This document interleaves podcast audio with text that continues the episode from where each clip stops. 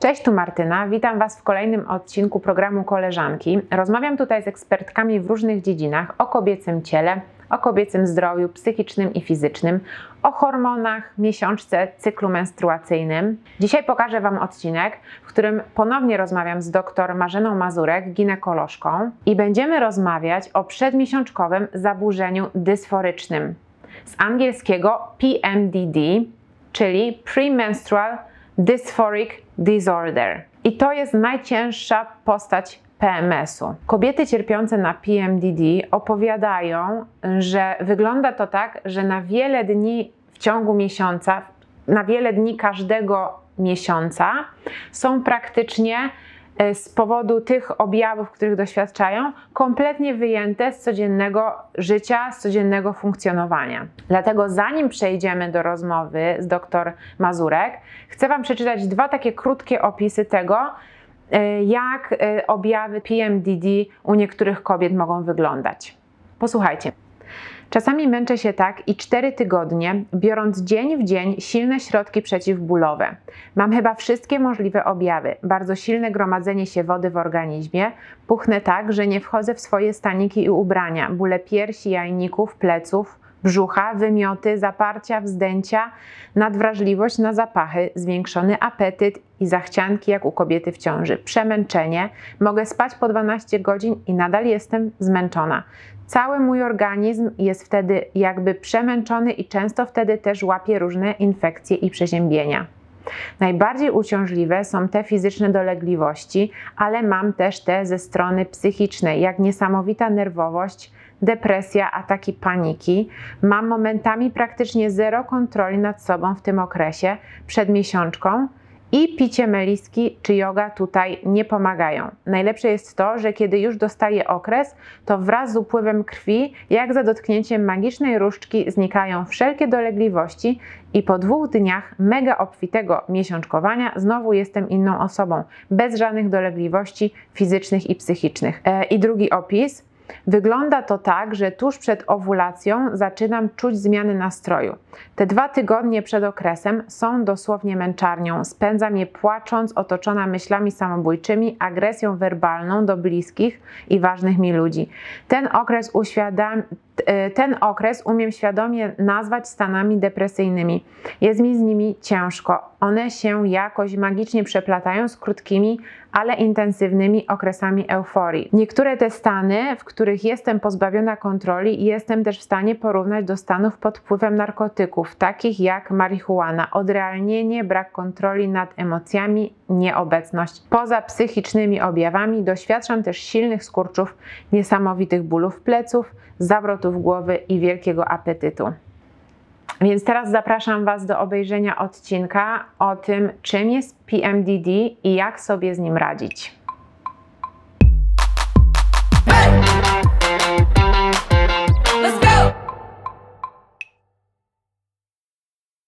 PMDD, przedmiesiączkowy zespół dysforyczny. To, czego ja bym teraz potrzebowała, to tak.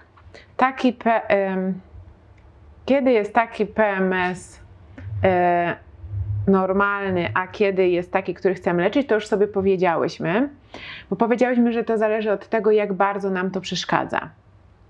Mm, ale kiedy e, znaczy, ja uważam, że to znowu... trzeba powiedzieć w ten sposób, że mm, ten przedmiesiączkowy zespół dysforyczny to jest najcięższa postać PMS-u. Mhm. Najcięższa. Taka, kiedy tak naprawdę to nam tak szalenie przeszkadza, kiedy wyłącza nas z każdej formy y, życia i społecznego, i rodzinnego. Y, gdzie musimy z tego zrezygnować. I powtarza się oczywiście. Oczywiście, i się powtarza cyklicznie, tylko właśnie mm. tutaj różnica pomiędzy PMS-em a y, dysforycznym jest taka, że on trwa dłużej. Mhm. Bo PMS, co mówiłam, że tak trwa mniej więcej do 5 dni przed miesiączką i praktycznie kończy się zaraz rozpoczęciem się miesiączki, bardzo rzadko trwa dłużej. Natomiast właśnie przedmiesiączkowy zespół dysforyczny, on może się pojawić 10-12 dni przed mhm. y, wystąpieniem miesiączki i praktycznie trwać do jej zakończenia. Mhm. Czyli mamy o wiele dłuższy czas występowania. Mhm. To jest raz. Tych objawów jest więcej. I uważa się, że właśnie w takim dzienniczku prowadzonym zawsze konieczny jest ten dzienniczek. Zawsze, bo to też jest takie odczuwanie nas samych, prawda? Tak. E, I ten dzienniczek nam wszystko praktycznie to pokaże. Są takie dzienniczki obserwacji przez cały miesiąc, gdzie pacjentka dostaje taką karteczkę, gdzie mamy gdzie mamy każdy dzień miesiąca, prawda? I mamy 11 głównych objawów, czy takich można powiedzieć grup e, Aha. objawów, czyli właśnie Aha. nastrój depresyjny, smutek, poczucie beznadziejności jako jeden. E, Jak niepokój, napięcie, zdenerwowanie dwa. E, Huśtawki nastroju, złość, poirytowanie, mniejsze zainteresowanie codziennymi czynnościami trudności z koncentracją, e, ospałość, e, zmęczenie, brak e, energii, zwiększenie apetytu, to jest ważne, Mhm. prawda, zachcianki, wzmożona senność, drzemka w ciągu dnia, trudności z obudzeniem się, poczucie przytłoczenia i nieradzenia sobie lub utraty kontroli i tkliwość, obrzęk piersi, uczucie wzdęcia, przyrost masy ciała. To jest 11 objawów. Mhm. I teraz pacjentka codziennie wieczorem ma zadanie przez dwa cykle zapisywanie e, w tabelce. Ten, każdy objaw jest podzielony od 1, do- e, znaczy ma nasilenie od 1 do 6, czyli 1 to brak, 6 bardzo, bardzo skrajne, e, ciężkie e, występowanie objawu. I tak naprawdę dopiero wtedy, kiedy przyjdzie pacjentka z taką kartką i na dodatek jeszcze pod spodem ma jeszcze trzy pytania, które pytają, czy w trakcie czynności dnia codziennego co najmniej jeden z powyższych problemów zmniejszył wydajność Twoją i efektywność, czy wpłynął właśnie na mniejszy lub większy e, udział w aktywności społecznej, czy się na przykład prawda, wycofałaś e, i co najmniej jeden z problemów wymienionych powyżej miał wpływ na relacje z innymi osobami. Mhm. I tak naprawdę, bo bardzo trudno nam czasami jest ocenić coś, co się wydarzyło tydzień temu No tak, tak. prawda? A jeżeli robisz coś codziennie Tak. i oceniasz to mm, na bieżąco, to to jest najbardziej adekwatna ocena. I to jest Twoja ocena, bo tak naprawdę ktoś z boku mógłby to ocenić. Jeżeli byśmy e, we dwie e, robiły ten, ten sam test, to ja bym mogła Cię inaczej oceniać, a Ty inaczej siebie oceniasz, prawda? Więc nas interesuje, co Ty czujesz, Mhm. jak Ty to widzisz, jak Tobie to przeszkadza. W związku z tym ten właśnie dzienniczek praktycznie przez wszystkie towarzystwa e, ginekologiczne Mhm. i angielskie, i amerykańskie. W związku z tym to świadczy o tym, jak naprawdę Tobie to przeszkadza. Mhm. I dopiero na podstawie takiego dzienniczka mogłybyśmy w pełni ocenić, Mhm. jakie masz, e, e, jakie masz e, dolegliwości i jak one tak naprawdę wpływają na Twoje samopoczucie i Twoją samoocenę. I teraz, jeżeli mówimy o tych właśnie łagodnych czy umiarkowanych objawach PMS-u, to mówiłyśmy o tym, że bardzo często to może być na przykład że ogólnie już mówimy o tym, że dziewczyna ma PMS, jak nawet ma dwa objawy. Tylko i wyłącznie, tak? Może być Mhm. rozdrażniona i płaczliwa. Mhm. To też już jest PMS. Mhm. Może mieć obrzęknięte piersi i wzdęcie. To Mhm. też już jest PMS. Ale o takiej łagodniejszej prawda, Tak. e, formie przebiegu i ona sobie nie szuka, mówi okej, no taka jestem, tak mam, nie, szukam jakby e, leczenia na to. Natomiast tutaj e, w przedmiesiączkowym zespole dysforycznym mamy pięć objawów z tego naszego dzienniczka na 11, które pacjentka zaznacza, że przechodzi bardzo ciężko. Mhm. To jest dużo, prawda? To Tak. już jest naprawdę dużo, bo to pokazuje, jak bardzo y, te objawy powodują jej właśnie wyłączenie. Mhm. Jak y, wpływają na stosunki w pracy, na tą jej aktywność ogólną i w pracy, i fizyczną, i, i chęci, hobby, prawda? To, czy ona będzie robiła, czy nie. Mm, I ona to sama zauważa. I w tym Mhm. momencie nagle się wycofuje, może zrezygnować z pracy, e, zamknąć się w domu i po prostu odizolować od znajomych. Mhm. I to jest, myślę, najcięższa ta postać. Ona nie występuje często. Ona występuje, uważa się, od 3 do 5, czasami niektóre prace mówią 8%. Okej. E, I to są, myślę, te osoby, które no, w którymś momencie zaczynają poszukiwać, prawda? Gdzie może nawet częściej one przychodzą do e, psychiatry, bo myślą, że są właśnie w depresji, bo może otoczenie e, mówi, słuchaj, coś się z tobą dzieje. Czy to nie jest właśnie jakaś depresja, może jakieś zaburzenia lękowe? Mhm. I wtedy ta osoba idzie do y, psychiatry i myślę, że tutaj jesteśmy w, no, na takim fajnym e, etapie y, rozwoju tej medycyny, że my się nie zamykamy, że my też y, jesteśmy tacy troszkę multidyscyplinarni, prawda, że zaczynamy szukać, że mm, wiemy też jak stosować, i ginekolodzy wiedzą jak stosować te leki, Mhm. ale też oczywiście psychiatrzy wiedzą, że to może być część takiego zespołu i wysłać, mówić, proszę pani, ja sprawdziłem, wypytałem, prawda, zrobiłem wywiad z panią i stwierdzam, że nie jest to depresja. Mhm. Nie są to zaburzenia lękowe. E, W związku z tym e, proszę jeszcze e, o konsultację ginekologiczną, prawda? E, Więc to jest szalenie ważne, taka współpraca e, interdyscyplinarna, bo oczywiście takie zalecenia amerykańskiego Stowarzyszenia Ginekologów mówi o tym, że najlepiej, żeby to był taki internista, m, który o wszystkim by wiedział. No, to się nie sprawdza, to jednak troszeczkę bardziej trzeba wiedzieć, jeżeli się inne rzeczy, bo internista tak naprawdę mógłby ukierunkować, prawda? Mógłby sprawdzić te wszystkie inne, wykluczyć inne choroby, niedokrwistość, niedoczynność tarczycy, Mhm. mógłby tutaj zwrócić na pewne rzeczy uwagę, ale finalnie powinien wtedy skierować albo tu, Tak. albo tu, prawda? I, i, I ta pomoc właściwie na tym by e, polegała. E, Ale jest to taka, taka już jednostka, która wymaga e, pomocy, która zostawienie pacjentki z tak ciężkimi dolegliwościami, no myślę, że, że, że po prostu jest trudne. Mhm. I dla niej samej dużą pomocą no, po prostu jest wdrożenie leczenia. Mhm. Jakby przychodzi dziewczyna do ginekologa, to my możemy zacząć przynajmniej, prawda, od tej rozmowy, zobaczyć obserwacje. I każde leczenie, każdy wprowadzony lek, można powiedzieć w ten sposób, cały czas e, utrzymujemy prowadzenie dzienniczka, bo musimy Mhm. wiedzieć, czy nasze zmiany odzwierciedlają się w zmianach później samopoczucia pacjentki.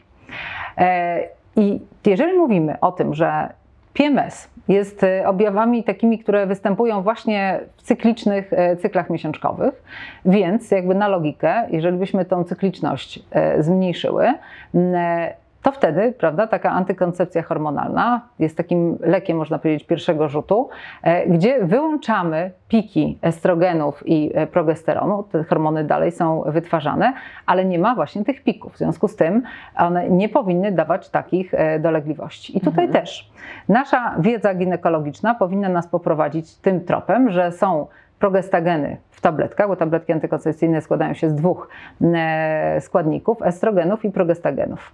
I progestageny mają różne jeszcze swoje właściwości. Mhm. I są takie progestageny, które właśnie mają działanie antymineralokortykosterydowe, czyli wpływają na to, żeby nie zatrzymywać wody, Aha. wpływają na to, żeby nie było krost na Mhm. e, skórze, prawda? Czyli dają nam dodatkowo, oprócz oczywiście zabezpieczenia teraz e, dodatkowo, prawda, e, antykoncepcyjnego, one mają dodatkowy wpływ na samopoczucie, na wygląd, na skórę, na e, zatrzymywanie wody, czyli też wpływ taki e, na nerki, prawda, filtracji. I to jest Mhm. szalenie ważne, Mhm. żeby wiedzieć, jaki składnik danego leku ma, jakie ma dodatkowe działanie, które może Ci pomóc. Hmm. I dalej obserwujemy i praktycznie można powiedzieć, że te leki w bardzo dużej grupie dziewczyn pomogą. Mhm. E, pomogą na tyle, że e, przez ten dłuższy okres, po pierwsze, są to leki, które można stosować przez dłuższy czas, prawda? E, są to leki, które nie uzależniają. I e, no właściwie mówimy o dosyć małej e, liczbie działań ubocznych. Każda z nas inaczej reaguje. To jest znowu ta nasza wrażliwość genetyczna i e, osobnicza, to jest tak, że właśnie no, ka- spotkasz koleżankę i ona ci powie, na mnie świetnie działają te leki. No nie wolno tego iść do doktora i powiedzieć, bo y, koleżanka to bierze takie, to ja też bym takie chciała. Każdą dziewczynę musimy jakby sobie zobaczyć oddzielnie, prawda? Na każdą inaczej lek może działać, bo tak naprawdę to cymesem jakby całego działania to jest ta nasza wrażliwość e, receptorowa Hmm. mamy po prostu inną ilość receptorów i te receptory inaczej oddziaływują. Są bardziej wrażliwe albo mniej wrażliwe. Hmm. I to właśnie cały, całość działania na tym polega. To jest pierwsza grupa leków, które, e, które możemy podać, prawda? Druga rzecz, no i tutaj już jest współpraca z e, psychiatrami, Mhm. leki, które właśnie będą miały wpływ na serotoninę. Okej. Bo jeżeli wiemy, że no właśnie ta wrażliwość układu nerwowego na spadek serotoniny, to nam pokazuje wtedy te wszystkie objawy rozdrażnienia, płaczliwości, nerwowości, czyli musimy co zrobić? Wyłapać tą serotoninę i ją dostarczyć jakby na nowo, prawda? Mhm. Czyli musimy dodać serotoniny.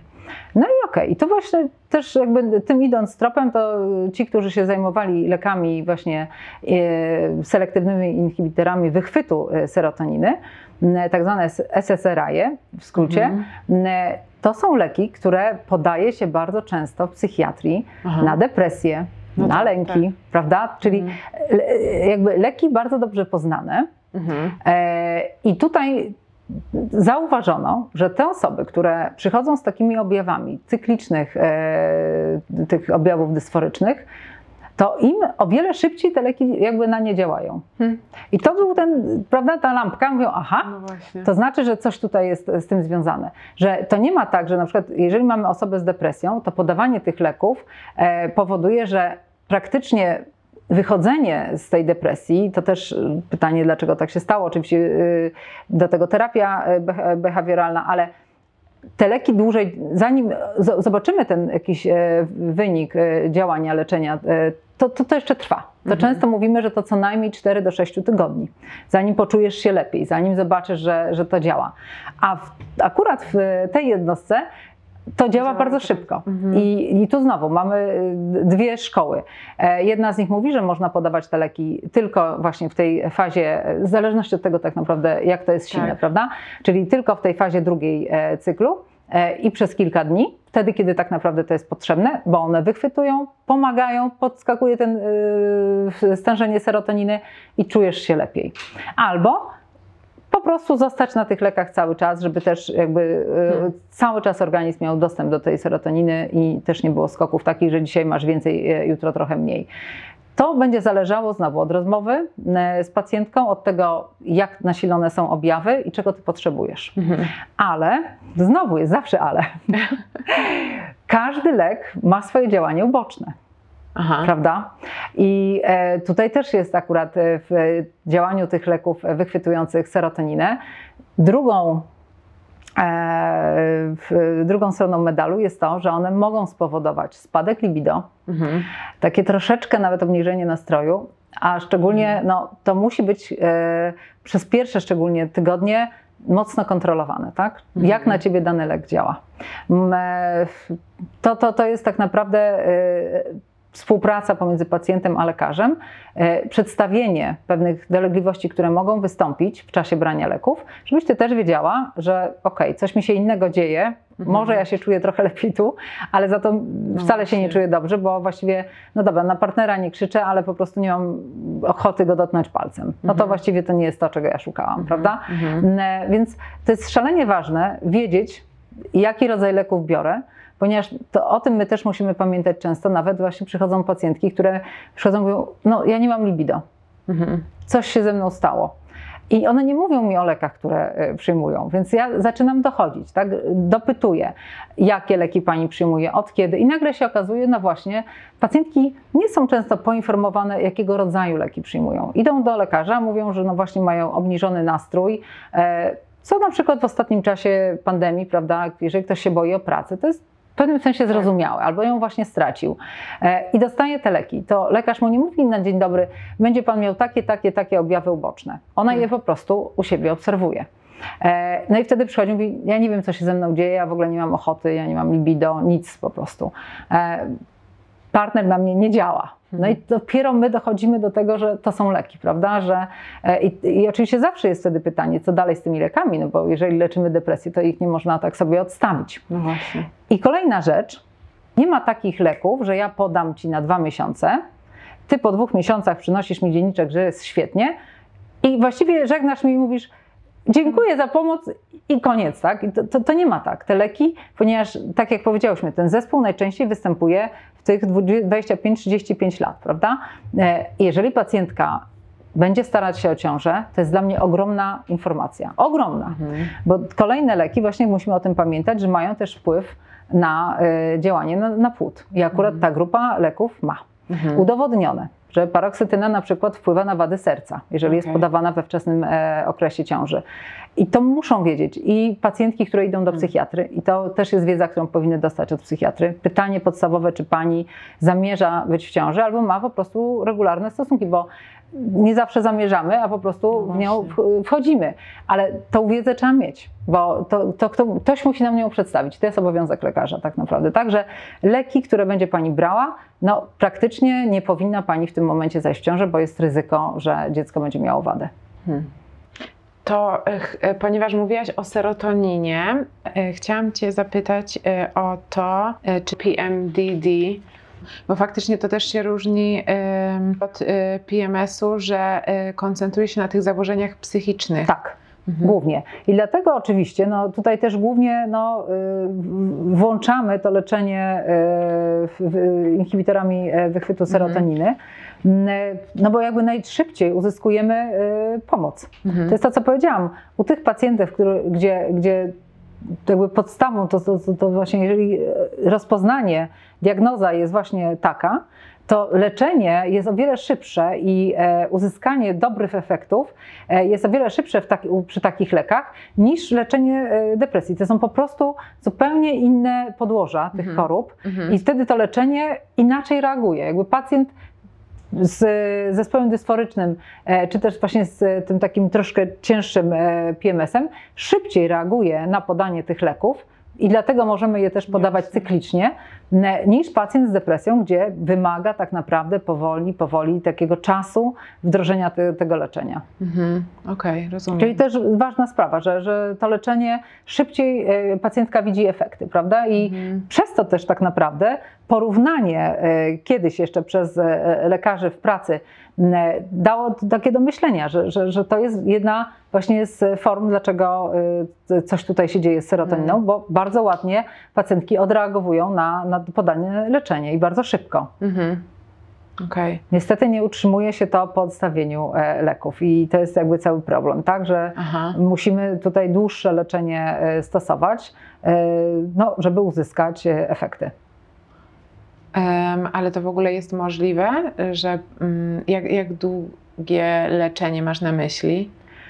To zależy od pacjentki znowu, prawda? No bo zależy znowu to, co powiedziałyśmy. Jakie są plany rozrodcze? Okej. Jak to się zmienia też e, z wiekiem? Kiedy w Mhm. ogóle ta pacjentka w jakim wieku do nas przyszła? Mhm. Jakie ma główne dolegliwości? Mhm. E, Bo może się okazać, że można zacząć tylko właśnie od takiego podawania w drugiej fazie cyklu. To jest raz. Dwa, jeżeli załóżmy to nam pomogło, można zmniejszać dawki i wtedy uważa się, że w ogóle taką najmądrzejszą, e, najmądrzejsze dawkowanie to jest najmniejsza działająca dawka, Tak, tak. tak. prawda? I Mhm. wtedy sobie na takiej tej najmniejszej dawce e, działamy. E, Później jest znowu pytanie, że pacjentka będzie chciała zachodzić w ciążę, więc Mhm. musimy tak, Mhm. takie leki podać, które mają najmniejsze działanie, działanie uboczne. Są leki, na których możemy prowadzić e, ciążę i znowu zawsze liczymy, patrzymy na korzyści i na ryzyko, Mhm, prawda? I mhm. przedstawiamy to ryzyko. E, Więc to jest mnóstwo takich. e, pra- Praktycznie uważa się, że każde wdrożenie leczenia wymaga prowadzenia cały czas dzienniczka. Mhm. I ten dzienniczek przy kolejnym naszym spotkaniu od, patrzymy i sobie go omawiamy. I wtedy widzimy, czy dane leczenie w ogóle pomaga pacjentce. Bo jeżeli nie zmniejsza się dolegliwości przynajmniej o połowę, to uważa się, że trzeba szukać dalej. Mhm. Że mm, oczywiście można zawsze za- sobie pomyśleć, dobra, spróbujemy jeszcze przez na- najbliższe dwa miesiące, tak? Mhm. Ale jeżeli nie widzimy, że to naprawdę tej pacjentce pomaga, to znaczy, że musimy szukać dalej Okej. e, i zaproponować coś jeszcze. Może czasami jakąś terapię łączoną, bo terapia behawioralna plus leczenie. E, mnóstwo różnych i Mhm. zawsze, ponieważ to jest, znowu wracamy do punktu wyjścia, ponieważ wszystko jest tą właśnie odpowiedzią receptorową i wrażliwością receptorową, to na każdą pacjentkę każdy lek, e, różna dawka, e, to będzie inaczej właśnie oddziaływał. I nie można powiedzieć, wszystkie panie z takim zespołem dajemy tylko to. Tak. Niestety, to nie jest takie proste. To jest właśnie to, że każda z nas ma jeszcze dodatkowo jakieś inne e, choroby, albo ich nie ma Mhm. i musimy na to też zwrócić uwagę. Bardzo dużo takich współczynników, na które po prostu e, trzeba zwrócić Mhm. uwagę. I to nie ma tak właśnie, my czasami się śmiejemy, to jest takie leczenie szyte na miarę, prawda? Że dla każdej troszeczkę inaczej. Może mniej, może więcej. Może właśnie czegoś więcej y, powiedzieć, żeby więcej takich ćwiczeń robiła, czy takich. E, Dla niektórych będzie yoga, dla niektórych pilates, dla niektórych jakiś e, bardziej mocniejszy, prawda, ten sport. Każda jest inna, każda dziewczyna jest inna i dla każdej e, tak naprawdę musimy dobrać to, co będzie pacjentce też pasowało, na, na czym będzie się czuła dobrze. Mhm. E, Bo też są pacjentki, które po prostu boją się leczenia. Mhm. I o tym też trzeba o tym mówić głośno, prawda? Że y, ktoś przychodzi i mówi: OK, ja już prawie wiem, że to jest to, no już dobra, mamy to potwierdzone, y, I pacjent mówi, no tak, ale ja nie chcę takich leków, boję Mhm. się. I wtedy no, zostajemy na tym takim niefarmakologicznym leczeniu, czyli mm, próbujemy różnymi metodami, e, no właśnie terapii i, wdrożenia y, działań takiego codziennych, no, żeby pomóc. Bo to Mhm. też no, nie wolno powiedzieć, no nie, to nie. E, tylko no, to, to znowu, bo nie można dać leków, które ta pacjentka weźmie ode mnie receptę. Ja się cieszę, że Hmm. dałam, a pacjentka tej recepty nie wykupi. bo po prostu nie jest do tego przekonana, tak? I to też jest szalenie ważne, to zaufanie, żeby pacjent też się nie bał powiedzieć lekarzowi, nie kupię, No. albo nie mam pieniędzy na, na, na, na- na wykupienie, prawda? Bo to są pewne takie życiowe sytuacje. Mhm. E, No i to wtedy musimy szukać jakiegoś innego rozwiązania. Mhm. E, Chciałam Cię zapytać e, o to, czy są jakieś takie rzeczy, które możemy same zrobić, żeby ten PMS był lżejszy dla nas. Mm. Na pewno y, taka obserwacja y, cyklu, prawda, że wiemy, kiedy mniej więcej właśnie nam się on zaczyna. Mhm. Czy to jest jeden, czy dwa, czy aż pięć dni. No bo to Mhm. też zależy, prawda, czy, czy, czy jesteśmy wtedy y, w jakim momencie tego cyklu. Na pewno właśnie wdrożenie takiego zdrowego stylu życia czyli e, aktywność fizyczna. I to Mhm. jest najtrudniejsza tak naprawdę, Jest.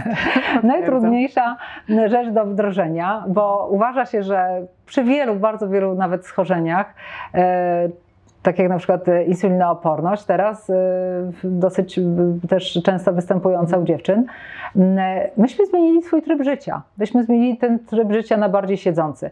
I tak jak chodzimy do szkoły na piechotę zazwyczaj, czy e, do liceum, jeszcze na studia, biegniemy gdzieś tam za tym tramwajem, my ciągle się ruszamy, my przemieszczamy się. Po czym idziemy do pracy i praktycznie siedzimy. Tego ruchu jest coraz mniej. I zaczynają się zmiany w naszym e, ciele, które no, musimy tolerować albo też i nie, że właśnie zwiększa się ta tkanka e, tłuszczowa, e, jest większa taka właśnie ociężałość. I to niestety musimy zmienić. To musimy wrócić do tych nawyków, można powiedzieć, młodzieńczych, Mhm. czyli ten sport. E, fajnie by było, gdyby dało się go robić jakoś na przykład rano, wtedy ten metabolizm, prawda, jest e, aktywowany. To nie zawsze, nie zawsze jest taka możliwość, ale gdyby się udało trzy razy w tygodniu, nawet dwa razy w tygodniu, minimum 30-40 minut e, aktywności, n- to nie muszą być od razu e, biegi, prawda, maratonowe. Mhm. To, to po prostu e, szybki marsz. Chodzi o to, żeby ten metabolizm zaktywować. E, Czyli to jest pierwsza rzecz, czyli taka aktywność. Tak? Mhm. To, to może być weekendowo. Są osoby, które oczywiście nie mają na to czasu od poniedziałku do piątku, ale za to sobota, niedziela mają na to czas. Wsiądą na rower i jadą. No i to, to już jest Tak. to. E, picie odpowiedniej ilości płynów, czyli te Mhm. 2 do 2,5 litrów, e, litra wody, e, włącznie z zupą, jaką jemy, włącznie z herbatami czy Mhm. kawami. Ograniczenie ilości kawy, prawda? Tutaj też wszelkiego rodzaju używki, ale też nie chodzi o to, żeby być od razu świętym, nie pić alkoholu, bo ten alkohol pijemy. Mhm. Ale jeżeli pijemy alkohol, to pijemy odpowiedzialnie. Żeby pić razem z alkoholem, pić bardzo duże ilości płynów, prawda? Żeby Mhm. właśnie się nie odwadniać. To jest szalenie ważne. O tym też troszkę mało się mówi, a konsekwencje są na drugi e, dzień. Mhm. E, Unikanie właśnie dużej ilości, e, czy też dosalanie e, jedzenia, ale też bardzo zwracanie uwagi na zawartość cukru. To jest coś, co jakby rozróżni, musimy rozróżniać węglowodany i cukry.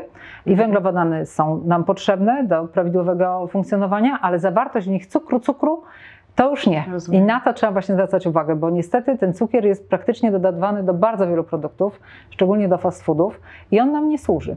On jest tym cukrem, który po prostu zatrzymujemy, później pakujemy w te komórki e, tłuszczowe i e, za, zamieniane jest po prostu na, na, na tłuszcz. I to jest to, co jakby później dziewczyny narzekają, że nie wyglądają tak czy inaczej. Więc tak naprawdę prawidłowe odżywianie się, regularne e, odżywianie się, nie stosowanie jakichś bardzo restrykcyjnych diet, typu, że jem tylko grejpfruty przez e, ostatnie, prawda, tam nie wiem, trzy miesiące, bo wtedy świetnie schudnę Tak. schudnę, no bo ten organizm po prostu nie ma. E, wszystkie diety bardzo restrykcyjne, monotematyczne, niestety zabierają nam pewne produkty, które na przykład mogą mieć właśnie witaminy, których nam później potrzeba. I, I ktoś mówi, ależ przecież ja jem zdrowo. ok, tylko po prostu brakuje pewnych e, substancji, pewnych Mhm. składników. I też trzeba pamiętać o tym, że niestety bardzo na to jakby zwracamy uwagę, że tak jak właśnie kiedyś no tej witaminy D uważało się, że jak ktoś pojedzie na wakacje, że myśmy więcej czasu spędzali na, na, na, na, na dworzu, na tak. słońcu. Dzisiaj, jeżeli już nawet wychodzimy, to też smarujemy się filtrami, co jest oczywiście jak najbardziej mm, e, potrzebne, ale przez to oczywiście e, no, to, słońce nie stymuluje tej witaminy D. W związku z tym mm, pewne nasze nowe nawyki też powodują, że musimy też nauczyć się Mhm. prawda, innych Mhm. nowych nawyków, typu właśnie Mhm. suplementacja wi- witaminowa. Mm, Ale też pamiętać o tym, że tak naprawdę potrzebujemy białka, warzyw i owoców. W Mhm. związku z tym mięso, ryby, e, warzywa i owoce. To są takie podstawowe rzeczy. My słodyczy do szczęścia nie potrzebujemy. Ale z drugiej strony ja też nie jestem za tym, żeby się katować i w momencie, kiedy mamy właśnie jakiś ten ciężki PMS i tą niesamowitą e, potrzebę, bo to też jest właśnie e, brak serotoniny, potrzebę zjedzenia czegoś słodkiego, jak trzeba, to trzeba. Mhm. Mhm. To po prostu... A to się teraz tak bardzo ładnie łączy, skąd ta potrzeba tego Tak. węglowodana. Tak, to jest właśnie ta potrzeba Mhm. Czegoś słodkiego, prawda? Tak. I, I to jest taka duża potrzeba, że oczywiście wtedy najlepiej tego nie mieć w domu, żeby nie zjeść całej e, góry, ale no, to, to też jest taka trudność w ograniczeniu się, tak? No i Mhm. później, jeżeli to zjem, to później mam wyrzuty sumienia, że zjadłam, no będę gruba, Się to już na pewno, tak, widzę w lustrze, prawda, trzy razy większy brzuch e, i krytyka do tego dochodzi. To się wszystko razem składa No, i wszystko jest e, wynikiem właśnie e, tej serotoniny. Mhm. Kurczę. Dobrze, ja e, zerknę na, ten, na te pytania, które Mhm. e, miałam tutaj od e, paru dziewczyn. No, bo tak, jedno z pytań, które się pojawiało, pojawiło się parę razy, które dziewczyny mi przysłały, to jest jakie przebadać hormony i w którym dniu cyklu w kierunku PMS i PMDD. No więc na to już praktycznie odpowiedziałyśmy, że tutaj e, nie ma, właściwie nie, jeżeli miesiączkuje pacjentka regularnie, Mhm. to to oznacza, że ma prawidłowe stężenia hormonów. I e, tu nie, nie musimy tak naprawdę robić badań hormonalnych. No Bo jeżeli ogólnie jest w ogóle takie założenie, jeżeli pacjentka regularnie miesiączkuje, to oznacza, że cyklicznie pojawiają się jej prawidłowe stężenia hormonów, które występują i one powodują, że ta miesiączka jest regularna. Mhm. E, Więc samo przez się tutaj nie. Ale w momencie, kiedy byśmy nie wiedziały do końca, prawda, czy mamy, y, robimy jeszcze dodatkową diagnostykę, no to przy okazji jeszcze na przykład powinnyśmy sprawdzić, czy hormony tarczycy, czy prolaktynę właśnie, czy, Mhm. czy nie jest to wynikiem jeszcze stresu, prawda? Mhm. Więc e, nie mówię, że nic nie robić, ale pewne też dodatkowe, można powiedzieć, prawda, hormony. Nie tylko, bo sam estradiol i progesteron, to co powiedziałam, praktycznie wszystkie badania nam wskazują na to, Mhm. że to są prawidłowe stężenia. e, To występuje u pacjentek prawidłowo miesiączkujących, regularnie miesiączkujących, w związku z tym tu nie szukamy nic. No właśnie. My musimy tylko sprawdzić, czy jeszcze nie ma innej dodatkowej choroby, czyli właśnie e, chorób tarczycy, niedokrwistości, czyli morfologię, e, zaburzeń jakiegoś jedzenia, no to widzimy po pacjentce tak naprawdę, prawda, po wadze. E, Tutaj musimy sprawdzić to glukozę, e, insulinę, takie choroby, które mogłyby współistnieć e, e, prawda, przy tym PMS-ie. Ale sam PMS jako PMS, tutaj zaburzeń hormonalnych e, estrogenów i progesteronu się nie obserwuje. Okej, rozumiem. I to jest ważne, to jest, to, to jest Ja właśnie myślę, ważne. No.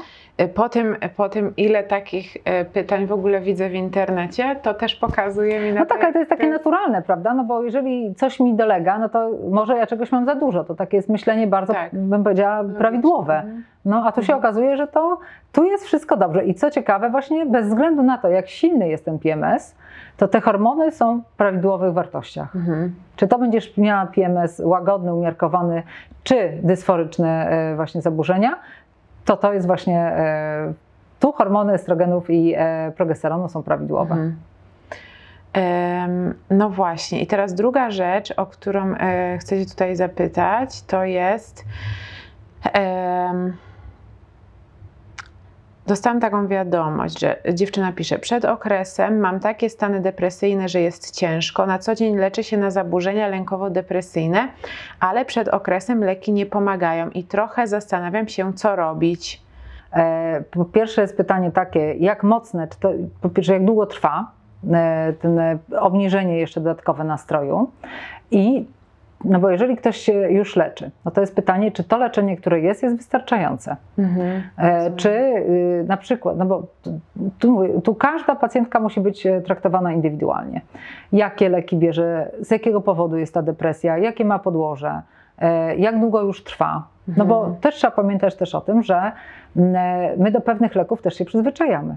Mhm. I to, to, co powiedziałam, że my zawsze musimy oceniać po pewnym czasie, czy to leczenie jest prawidłowe, czy nie, czy może coś musimy zmienić, zmodyfikować dawkę, może ją zmniejszyć, a może zwiększyć. Mhm. Bo y, czę- często jest tak, znowu odpowiedź receptorowa, że te receptory się do pewnych rzeczy przyzwyczajają. Mhm. I już ten lek, który był na początku dobry, on po prostu jest traktowany przez organizm, już, już cię znam, już jest dobrze, ale już zaczynam znowu prawda, obniżać e, loty. W związku z tym trzeba wtedy prawdopodobnie zwiększyć dawkę. Ale to musi być jakby dwutorowo. Po, po pierwsze musi to psychiatra e, no, przy wywiadzie takim, że pacjentka powinna mu to powiedzieć, że ja, ja czuję, że, że jednak, albo nawet powiedzieć, pewnej części e, cyklu jest prawidłowo, ale jednak prawda, później odczuwam duże obniżenie e, nastroju i się bardzo źle czuję. No to wtedy jest tak, że mamy dwutorowo, albo troszeczkę zwiększyć dawkę, Mhm. ale nie wiem, jaką dawkę przyjmuje, prawda, tutaj pacjentka, albo no właśnie jeszcze działania ginekologiczne, bo może powinno się jednak ten cykl wyłączyć.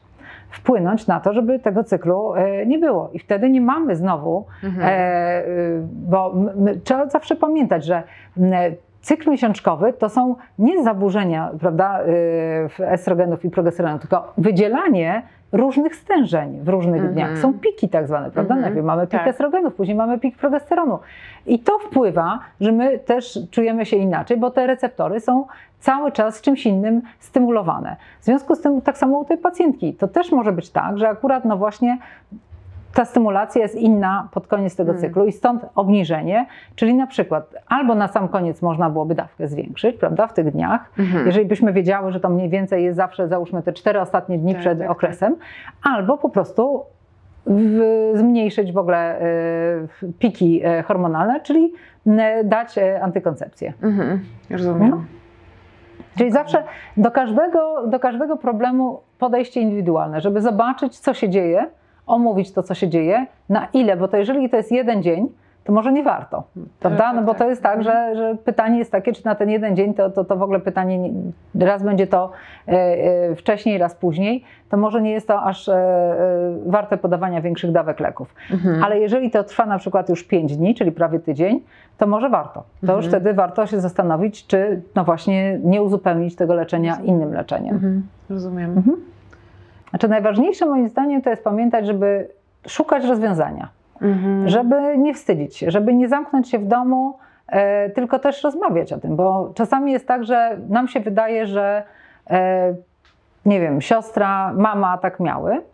E, i, I że tak wszyscy mają. Mhm. Prawda? To jest tak jak z obfitymi miesiączkami.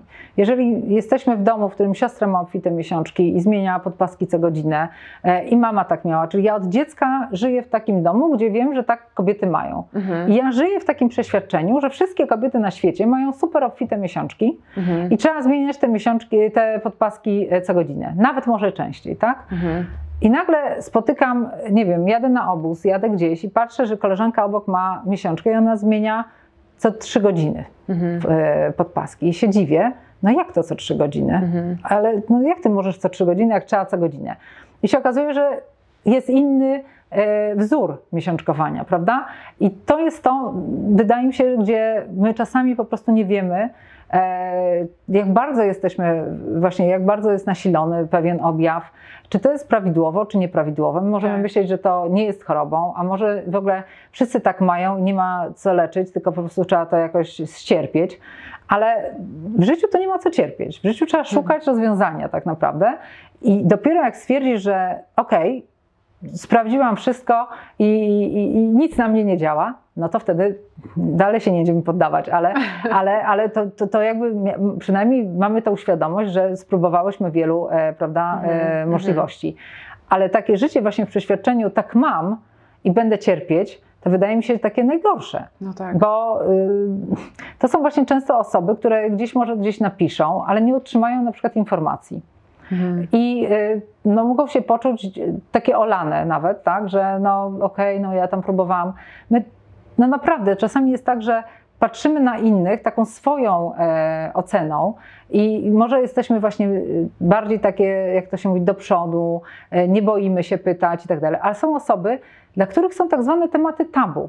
Szczególnie miesiączka i w ogóle wszystko, co jest związane z taką kobiecością, e, to jest temat tabu. W domu nie wolno o tym mówić, bo nie wypada. Czasami jest tak, że jesteśmy wychowywane, y, nie wiem, na przykład tylko prawda, w męskim gronie i pewnych rzeczy no, wstydzimy się zapytać tego Mhm. tatę e, czy opiekuna. E, No, czasami nie mamy po prostu kogo zapytać. Dokładnie. I to jest takie cierpienie troszeczkę w samotności. Mhm. I myślenie może nawet, że właśnie inne dziewczyny tak mają i że to jest taka norma, Mhm. a to nie jest norma. Mhm. A to po prostu i, i, i znowu możemy trafić też na lekarza, który powie: Słuchaj, to jest taka, po prostu jesteś kobietą i tak macie. Taka jest y, uroda kobieca i, i tu nie ma nic do szukania. Trzeba szukać. Kończymy i bardzo Ci dziękuję. Dziękuję bardzo.